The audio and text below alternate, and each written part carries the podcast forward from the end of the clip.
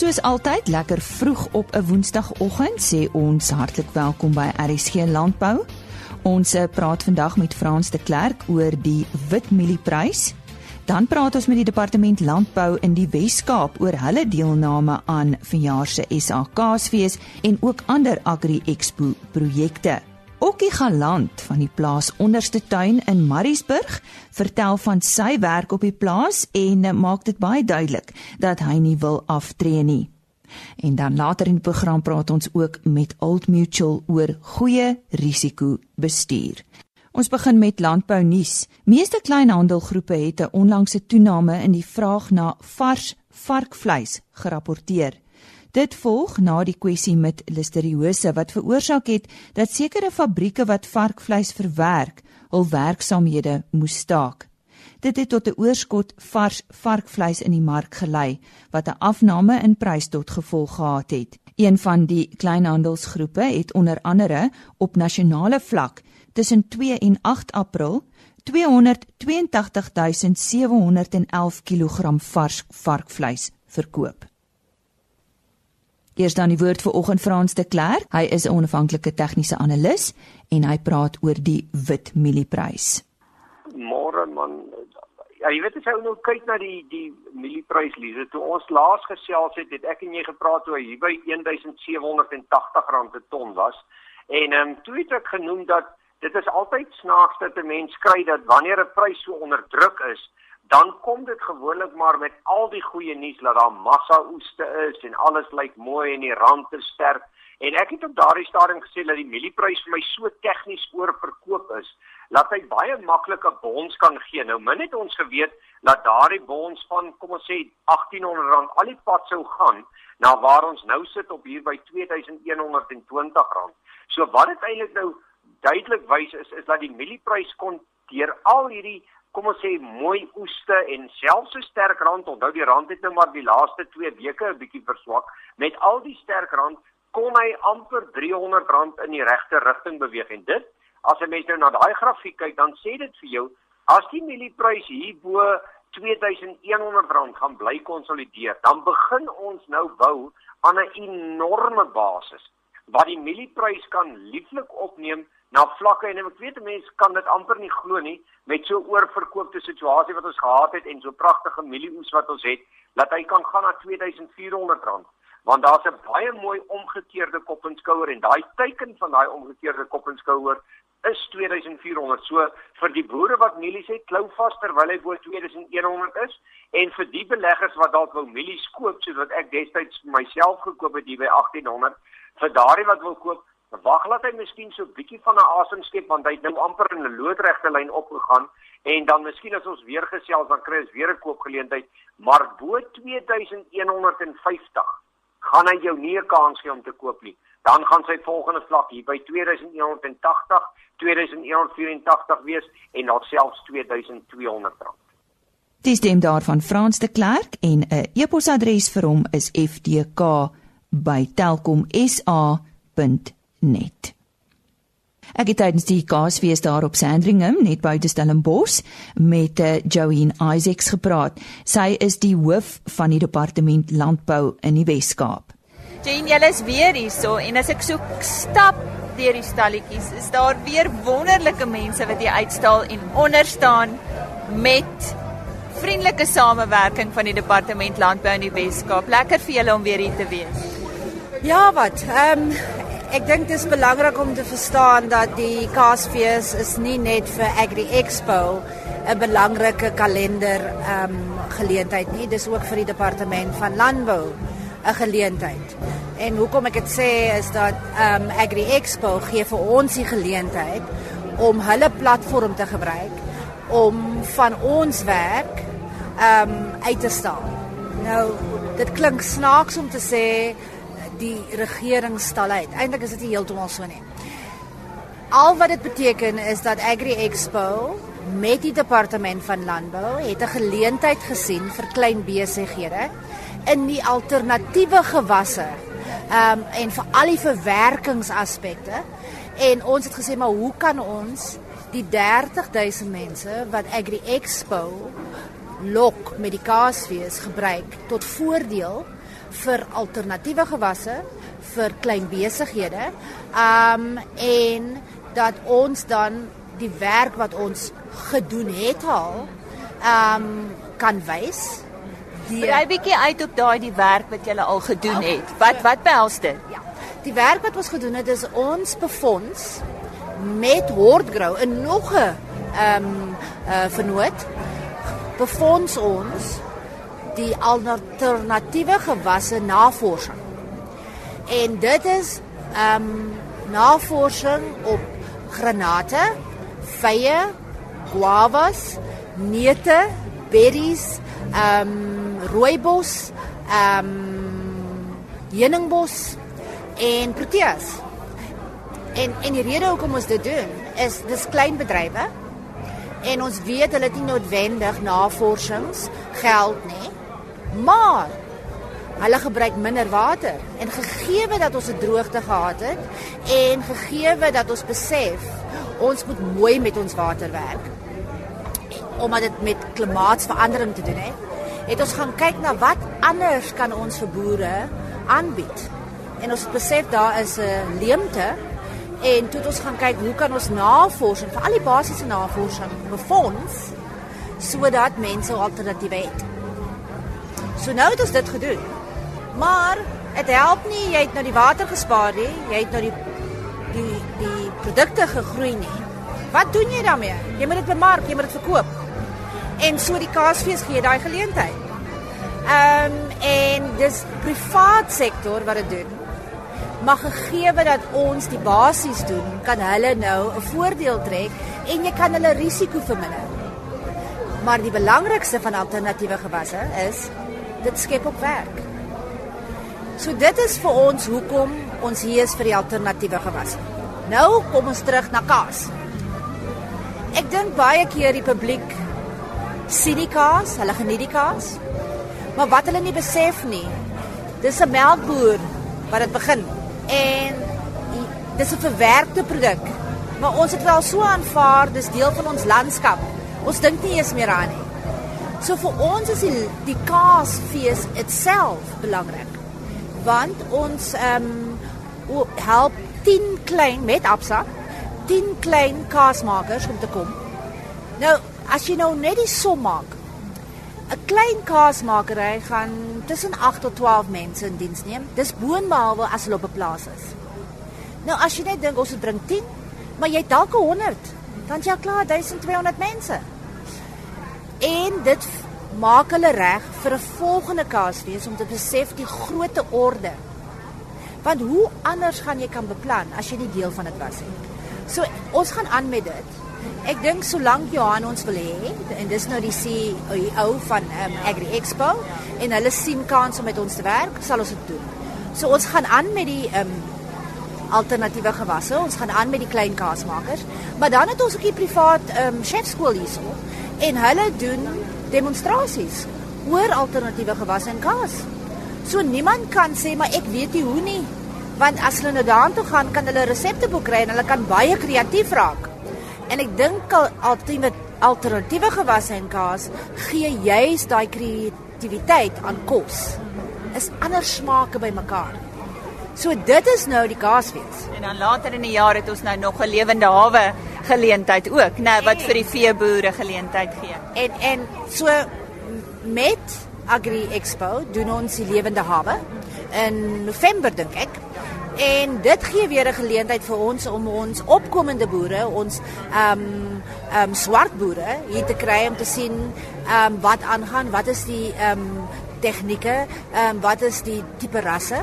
Ehm um, maar ons kry ook jong kinders in om te sien wat is die landbougeleenthede. Ek sien in elk geval Agri Expo as deel van die landboukalender. Ek sien hulle ook deel as 'n vernoot ek sien hulle deel as hoe ons landbou gaan meer aantreklik maak vir jong mense.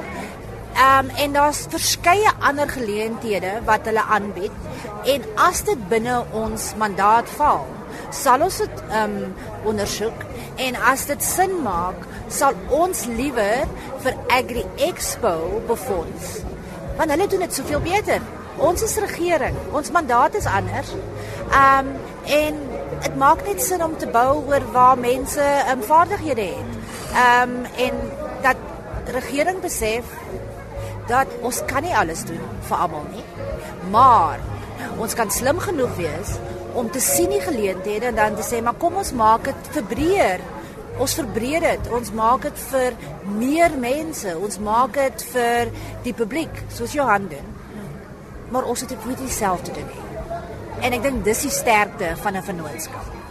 Dit was dan die hoof van die departement landbou in die Wes-Kaap, Joanne Isaacs, wat vir ons vertel het van hulle deelname aan uh, ander Agri Expo projekte en natuurlik ook die Kaasfees wat einde April aangebied is.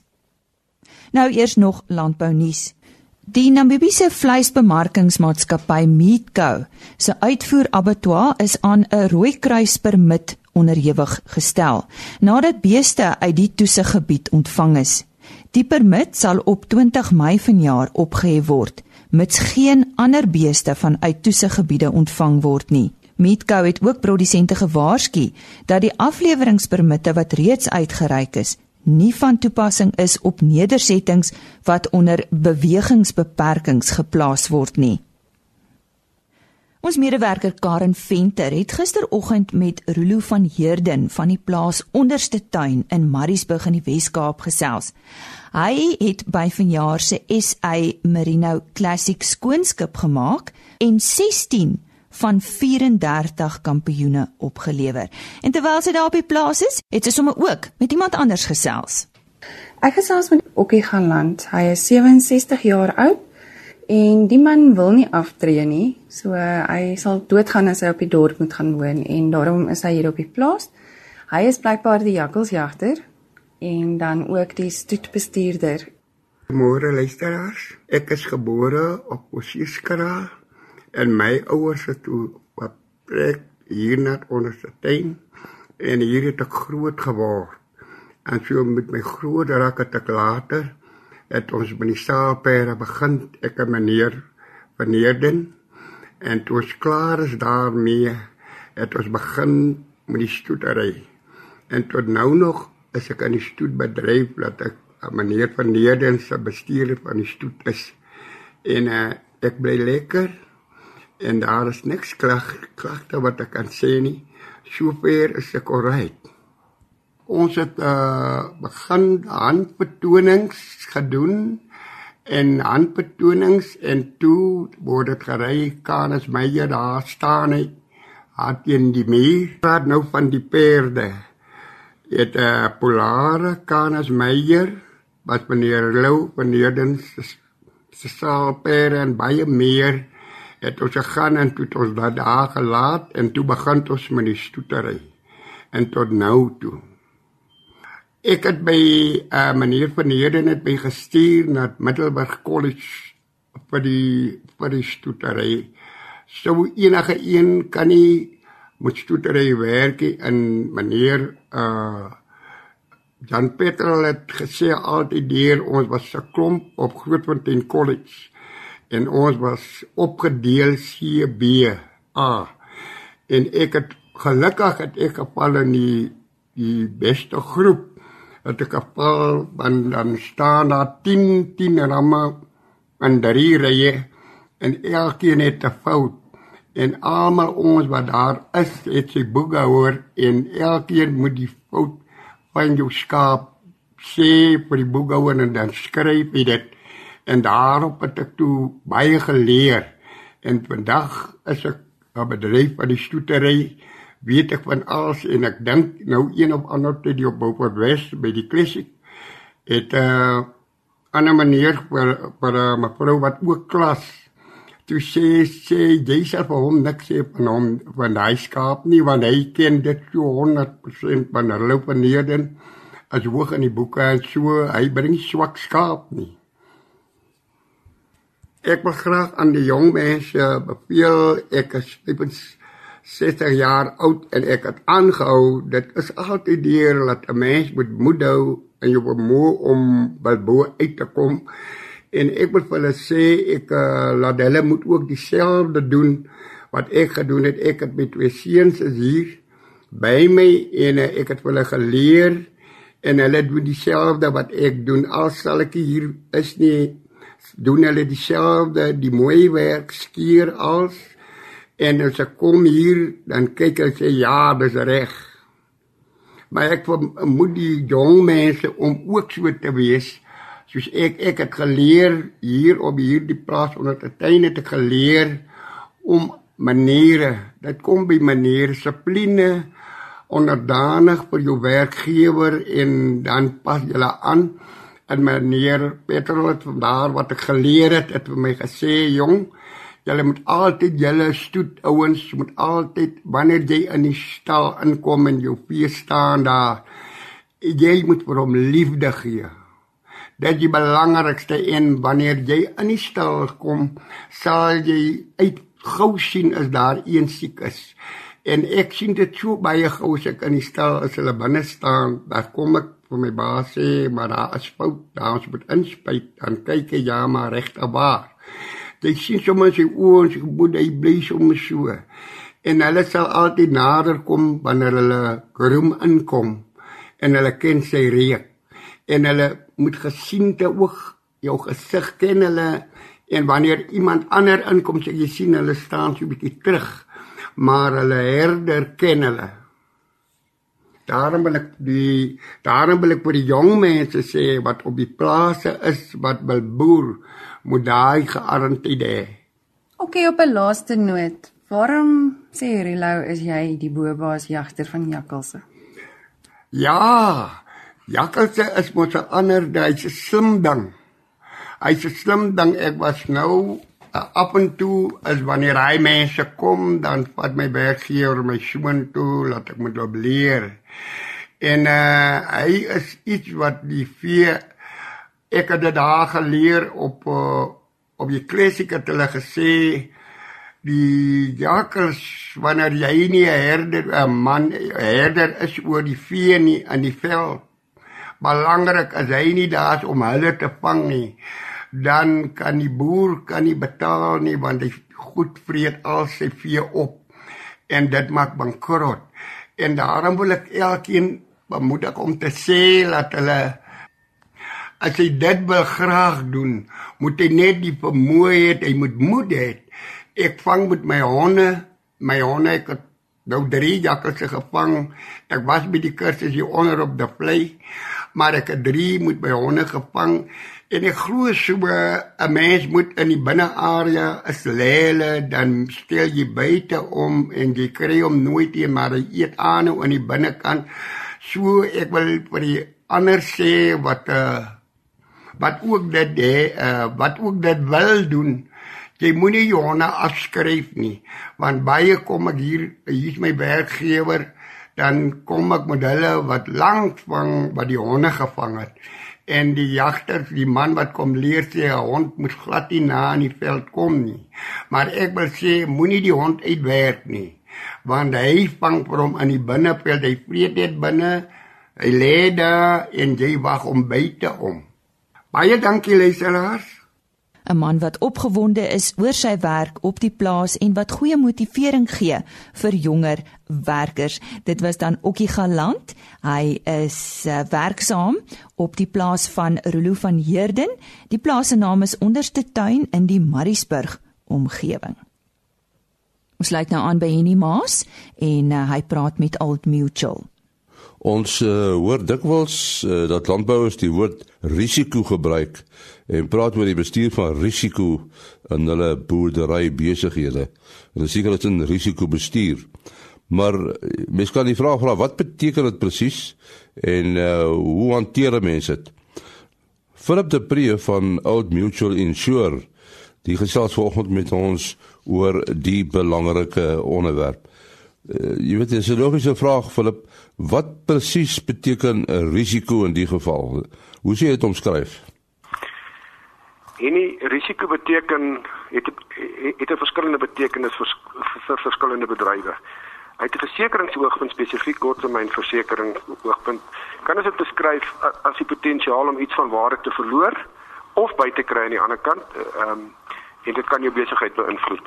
As ons nou 'n meer spesifieke definisie wil hê van van 'n korttermynversekeringsrisiko. Dis 'n situasie waar die waarskynlikheid van 'n verlies soos byvoorbeeld die afbrand van 'n gebou bekend is, maar waar die werklike waarde van die verlies nie bekend sal wees nie. En en die verskil tussen uh tussen risiko en onsekerheid? Risiko is bestuurbaar. Onsekerheid is nie noodwendig bestuurbaar nie. Dis dis 'n baie kort definisie, maar ek dink dit sluit alles in. Maar nou as jy mens uh, kyk na die onbestuurbare dele natuurlik dit is iets soos die weer wat 'n mens glad nie kan bestuur nie. Absoluut. En dis waar versekerings kan inkom. Daar is wel produkte beskikbaar om seker te maak dat die onvoorsiene wat of die onsekerhede wat daar is, dat jy dit so bietjie minder kan maak. En uh, as ons nou praat van risiko, wat wat presies behels risikobestuur? Ja, risikobestuur uh, het basies vyf stappe waarna mense behoort te kyk. Die eerste een is uit die aard van die saak om die risiko te identifiseer, om seker te maak wat die risiko is. Die tweede een sou wees om om hom te analiseer, om hom te evalueer, om die risiko fisies te hanteer en dan die monitering en die hersiening van die risiko. Dis basies die vyf stappe wat in enige risikobestuursprogram ter sprake sal wees.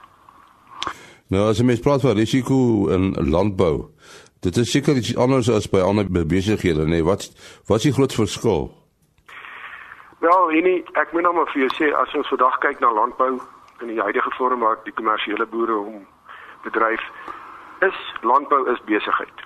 So ons moet baie duidelik wees, daar's al die risiko's wat op besigheid van toepassing is, ehm um, sal in landbou ook van toepassing wees. Wat landbou egter onderskei is jy werk met baie onbekendes, soos byvoorbeeld die natuur wat jy self genoem het. Ehm um, en hy daar's 'n bietjie ander omstandighede wat by landbou van, van toepassing is wat nie noodwendig ehm um, by besighede van toepassing sou wees nie. En en watter risiko's beskou julle uh, op die oomblik as die grootste en belangrikste uh, in in die landboubedryf? Wel, uit 'n versekeringsoogpunt uh, is het ons 'n uh, sekere siening daaroor en ek dink baie mense sal met ons saamstem. Ek dink op hierdie stadium aan die bokant van die skaal sal ons moet sê die land ehm um, hervormingsgesprekke wat in die gang is. Dit is 'n groot risiko. Dan as ons net kyk na na veiligheid op plase op hierdie stadium en dan uit die aard van die saak klimaat. Klimaat is 'n gewellige het 'n gewellige invloed op landbou soos ons dit ehm um, ken. En As ons net kyk na die pas afgelope seisoen, brande het 'n baie groot invloed op die besigheid van boere gehad. Nou, is daar risiko's uh, wat tipies of algemeen deur uh, boere geïgnoreer word of nie genoeg aandag kry nie? Jongs, snaaks genoeg is dit gewoonlik die risiko's wat boere uit besighede uit kan plaas wat die minste aandag kry. Nou weer eens hier verwys ek spesifiek na 'n geval soos ehm, 'n uh, groot haalstorm. Ehm um, en dan natuurlik brande. Jy weet 'n verspreiding van brandys kan 'n boer finansiëel ruïneer as hy nie die regte dekking het nie. En ehm um, ek ek ek sou sê dit is soms die minder belangrik of, of wat geag word minder belangrik deur die boere wat die grootste risiko's beloop. Jy weet, in die meeste gevalle is mense is gewoond aan om 'n voertuig te koop. Ehm um, en hy moet versekerings op die voertuig uitneem. Ehm uh, en hulle doen dit en wanneer die voertuig afbetaal is, ehm um, het hy die keuse om aan te gaan daarmee of nie. In die geval van boerdery kan dit gebeur dat jy vergeet om verspreiding van branddekking te neem. Die brand versprei na jou buurman toe en jy sit met 'n geweldige groot eis wat jy finansiëel kan ruïneer. Dit is ongelukkig die kleiner goedjies waarna opgelet moet word. Hoe sal 'n tipiese risiko-analise in die landbou lyk? En en, en watter inligting bied dit? En ja, ehm uh, uit 'n versekeringsoogpunt ehm um, het ons wat ons uh, ons maak gebruik van oorsieners verslae. Uh en dit beteken basies uh ons gaan uit en ons kyk na die fisiese risiko hoe hy lyk, uh wat die gevaar van brand is, wat die gevaar van enige ehm um, onbeplande voorval mag wees. Uh waar is die risiko? Ehm uh, en watter areas lê want dit verskil van van gebied tot gebied. Jy kry hoë risiko areas, jy kry lae risiko areas en kry baie lae risiko area. En daar sal baie goeie aanduiding gegee word van die die die die toestand van die risiko en op grond daarvan kan verdere stappe geneem word deur die kliënt.